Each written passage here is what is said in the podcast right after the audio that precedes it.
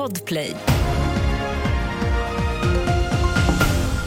Och vi börjar med en 16-årig pojke som sköts i Södertälje i december som har nu vaknat sedan han legat nedsövd i två och en halv månad.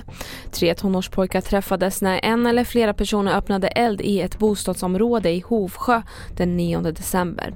Två fick lättare skador medan den tredje skadades allvarligt och alltså legat i koma fram till nu. Och vidare kan vi berätta att Ukraina kommer vinna kriget.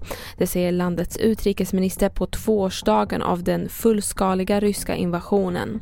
Samtidigt säger Ukraina att man skjutit ner ännu ett avancerat ryskt signalspaningsplan och attackerat ett av Rysslands största stålverk. Och till sist kan vi berätta att EU har planer på att höja åldersgränsen för att få köra A-traktorer från 15 år till 16 år. Något som fått kritik, inte minst i många glesbygdskommuner.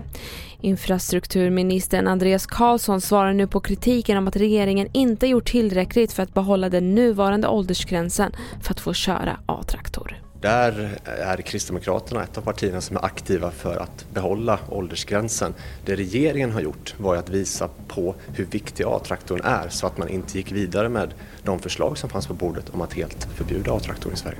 Fler nyheter hittar du på tv4.se och jag heter Merim Jamil.